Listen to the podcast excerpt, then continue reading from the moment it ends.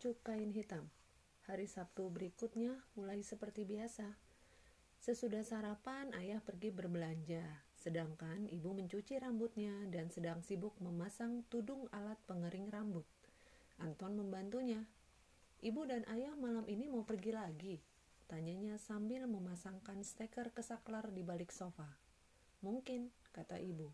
Tapi ayah barangkali masih harus ke kantor. Ke kantor? Anton kaget. Tidak apa-apa, kata ibu sambil memakai tudung plastik. Aku bisa saja pergi sendiri. Oh, kata Anton lega. Kemungkinan ibu akan tetap di rumah telah membuatnya risau. Ia kan menunggu kedatangan tamu. Ibu telah menghidupkan alat pengering rambut dan untuk menghindari bisingnya, Anton mengungsi ke kamar. Segalanya telah siap. Buku-buku yang kemungkinan dapat menimbulkan kejengkelan Dracula cilik itu telah ia amankan kedua buku King Kong yang tidak sempat dirobeknya, serta komik, komik Tarzan dan Superman. Sebagai ganti, Anton telah meletakkan dua buku baru di rak, yang satu bersampul hitam dengan gambar seekor kelelawar besar. Judulnya Selusin Kisah Dracula, ditulis dengan huruf merah menyala. Yang satu lagi dengan sampul berwarna ungu berjudul Dendam Dracula. Anton sengaja menaruh kedua buku itu sedemikian rupa agar pasti ketahuan oleh si Dracula. Dan di pintu lemari dipasangnya sebuah poster yang telah dilukisnya semalam. Poster itu menggambarkan seorang Dracula yang tengah bangkit dari kuburnya. Anton terutama merasa berhasil dalam membuat mukanya yang putih dengan mata bergaris hitam tebal serta mulut yang merah setengah terbuka dengan gigi taring yang runcing mencuat. Ih, ibu berseru ketika melihat poster itu. Serem amat gambarmu. Apanya yang seram? Tanya Anton sambil dengan hati-hati mengoleskan cat putih pada gigi agar lebih menyolok lagi. Lihat tuh mukanya, teriak ibu. Jangan-jangan kau nanti dikejar mimpi buruk. Si Dracula pasti senang, Anton menghibur diri. Dengan puas Anton memandang poster itu, juga gundukan-gundukan tanah kuburan pada latar belakang dengan batu nisan dan salib yang miring menambah cengkeraman suasana. Apakah sebaiknya ditambahkan lagi beberapa ekor kelelawar? Tapi kelelawar sukar digambar. Ia mengambil buku dengan selusin cerita Dracula dari rak dan memperhatikan gambar kelelawar pada sampulnya. Mengerikan memang, dan cocok dengan posternya. Tetapi Anton memutuskan untuk mempertimbangkan ulang hal kelelawar itu esok hari saja, lalu merebahkan diri dengan santai di tempat tidur. Cerita pertama di buku itu sudah ia baca mulai kemarin. Kisahnya tentang suatu pesta karnaval. Para tamu menyamar dengan memakai beraneka macam kostum. Di antaranya ada seseorang yang berdandan sebagai Dracula. Riasnya begitu sempurna, sehingga semua tamu lain takut dan menghindar. Tengah malam, ketika semua orang melepaskan topeng serta kostumnya, dia tetap seperti semula. Orang baru menyadari dia Dracula asli. Saat Anton membaca, suara ayah pulang, dering telepon dua kali, derum alat penyedot, derau air ke bak, tidak mengusik Anton. Baru ketika terdengar jeritan keras dan panjang, ia mengangkat mukanya dari buku dan mendengarkan. Apakah itu di apartemen kita? Pikirnya. Aduh, kakiku! Terdengar ibu mengeluh. Kenapa kau naik-naik pakai kursi lipat? Ujar ayah. Kan kita punya tangga khusus. Ya, saut ibu dengan jengkel. Sekarang sudah terlambat. Coba injakan kakimu. Aduh, putarkan pergelangan kaki. Tidak bisa. Apakah terjadi sesuatu, Bu? Teriak Anton dari tempatnya. Iya, Kakiku terkilir, jawab ibu. Sakit, tanya Anton. Iya, kata ibu. Aku harus istirahatkan kakiku dulu. Ibu men Anton mendengar ibu terpincang-pincang dari gang ke ruang keluarga. Sambil berdiri dan mengembalikan bukunya ke atas rak, ia menimbang-nimbang apakah ibu dapat pergi dengan kaki terkilir. Tergantung, pikirnya. Kalau kaki kanan, kaki kanan kan hanya untuk menginjak pedal gas tapi ternyata kaki kiri yang diangkat ibu ke atas kursi. Kini, sedang diamatinya sambil menyeringai kesakitan. Ah, celaka, gerutunya. Sudah mulai membengkak. Dikompres saja, Anton mengusulkan. Ide bagus, kata ayah. Perlu aku ke apotik? Anton menawarkan bantuan. Kok baik hati betul, Ton? Kata ibu gembira. Kan wajar, Bu, kata Anton. Hmm, gumam ayah. Wajar sih belum tentu. Aku masih ingat bagaimana kau. Sudahlah, Pak, ibu memotong dan kepada Anton sekalian tanya, obat apa yang paling baik untuk kaki terkilir. Begitulah, Anton sepanjang sore sibuk menggantikan kain kompres pada kaki ibunya. Ayah telah lama berangkat ke kantor, dan Anton bertanya untuk kesepuluh kalinya. Sekarang tentu sudah jauh mendingan, iya kan bu? Rasa-rasanya kau ingin sekali agar aku pergi nanti malam, kata ibu. Siapa bilang? Seru Anton, berusaha membuat nada suara tersinggung. Nah, kata ibu dan tertawa.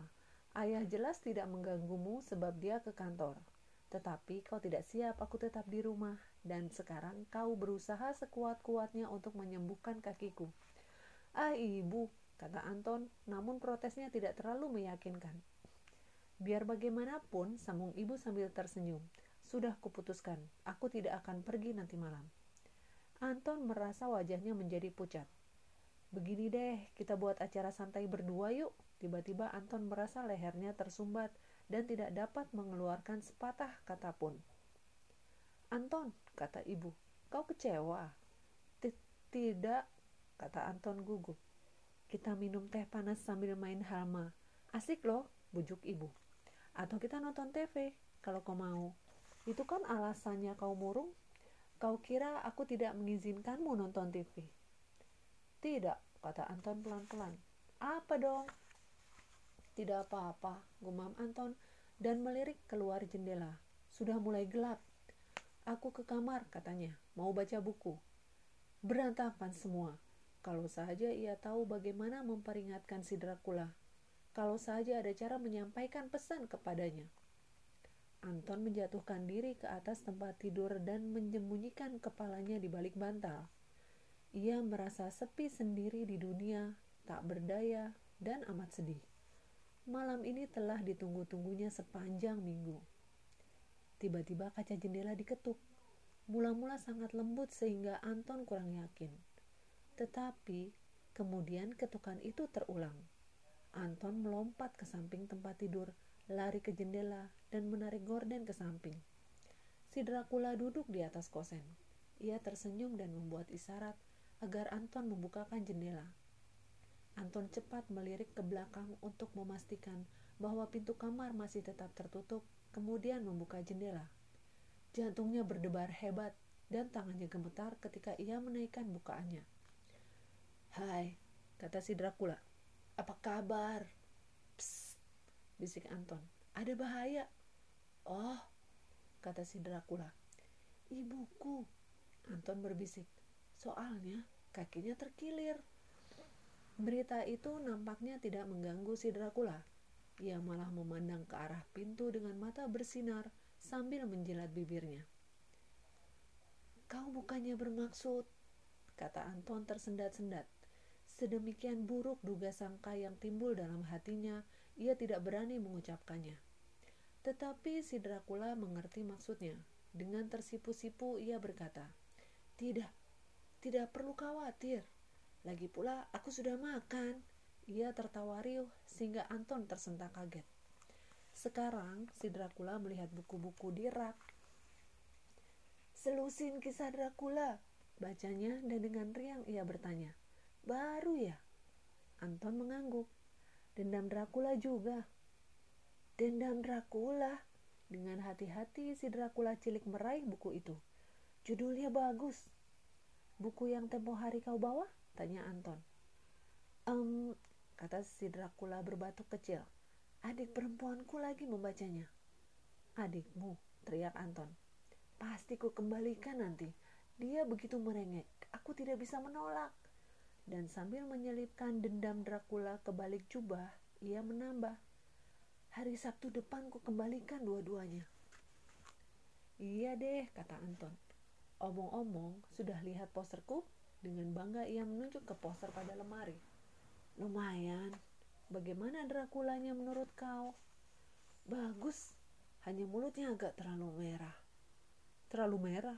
Kan mulutmu juga merah begitu. Iya sih, kata si Dracula dan mendeham. Aku kan baru makan. Oh, begitu. Anton bergumam. Aku tak tahu itu. Aku bisa saja ganti warnanya. Tiba-tiba terdengar pintu ruang keluarga dibuka. Ibu datang, teriaknya. Cepat masuk ke lemari. Kenapa? Tanya si Dracula dan hendak pergi ke jendela. Aku kan bisa... Tidak, tidak usah, kata Anton. Ibuku pasti langsung pergi lagi. Pintu kamar Anton diketuk. Anton, panggil ibu. Jadi minum teh tidak? Oh, kata Anton sambil berjalan ke pintu dan mencari siasat. Aku tidak haus. Ia membuka pintu sedikit. Dan Hama, bagaimana? Bukuku lagi seru.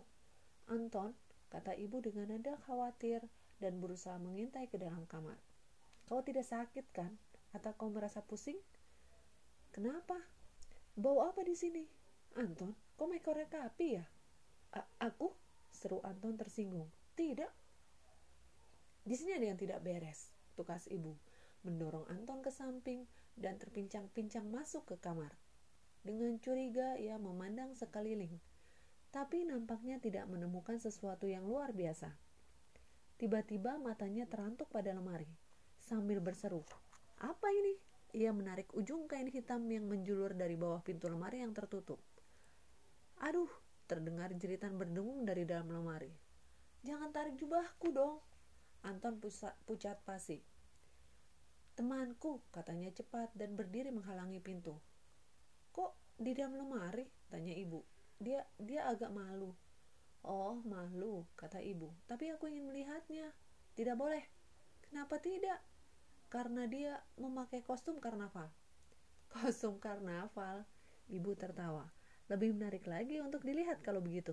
Tanyakan, apakah dia mau ikut minum teh bersama kita? Anton menggelengkan kepala. Pasti tidak.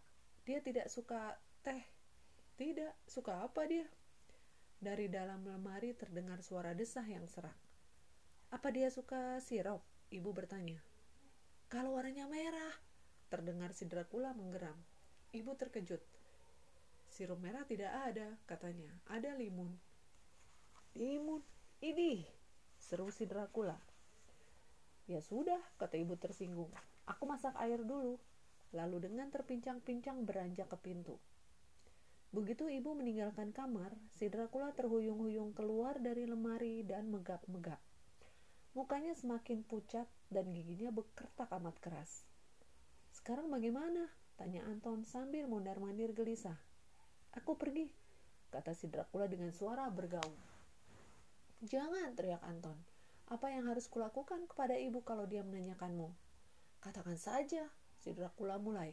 Tapi saat itu kembali terdengar langkah ibu menuju ke kamar.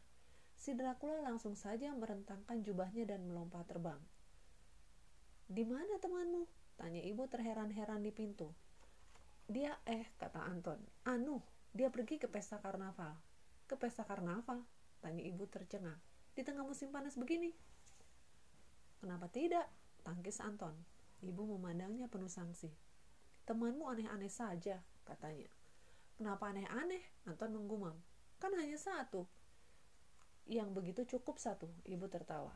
Mudah-mudahan lain kali aku sempat bertemu dengannya. Omong-omong, aku tidak mendengar dia pergi. Dia tidak mau merepotkan, kata Anton. Huh, sekarang ibu akan bertanya kenapa dia tidak membunyikan bel ketika datang, pikirnya. Apa yang harus kukatakan? Untung saat itu cerek di dapur menjerit. Oh, seru ibu. Airnya sudah matang. Kok jadi ikut minum teh? Anton mengangguk. Bagus, kata ibu. Dan jangan lupa tutup jendela. Nanti ngengat masuk atau Dracula, tambah Anton. Tapi ibu sudah tidak mendengarnya. Dengan sedih, Anton melangkah ke jendela. Inilah hari Sabtu yang dinanti-nantikannya sepanjang minggu. Mudah-mudahan minggu depan tidak ada gangguan serupa. Ia menutup jendela dan menarik gorden. Kubawa halamannya sekalian ya bu, teriaknya. Sambil minum teh, ibu bertanya, temanmu tadi pakai kostum apa? oh dia dia pakai eh gumam Anton dan mendaham berkepanjangan ini apa namanya Bagaimana kalau ia mengatakan yang sebenarnya? Ibu toh tidak akan percaya. Ibu tertawa. Susah betul menjelaskannya. Eh iya, kata Anton. Soalnya dia pakai kostum eh Dracula. Dracula, seru ibu dan tertawa geli. Sayang betul aku tidak sempat melihatnya. Dia sering memakai kostum itu, kata Anton untuk menghiburnya.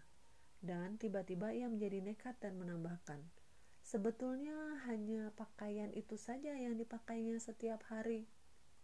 Namun ibu memang tidak percaya. Dia semakin keras tertawa dan berseru, Anton, Anton, kau terlalu banyak membaca cerita yang bukan-bukan. Sekarang tinggal kau bilang bahwa dia tadi pergi tidak melalui pintu tetapi terbang. Kalau ibu merasa sudah tahu, kata Anton tersinggung. Orang dewasa memang selalu merasa pintar sendiri. Ah, Anton, kata ibu membujuk. Kita kan tak mau bertengkar tentang Dracula, bukan? Kita main yuk, mau? Iya, gerutu Anton. Apakah ia bermaksud bertengkar tentang urusan Dracula?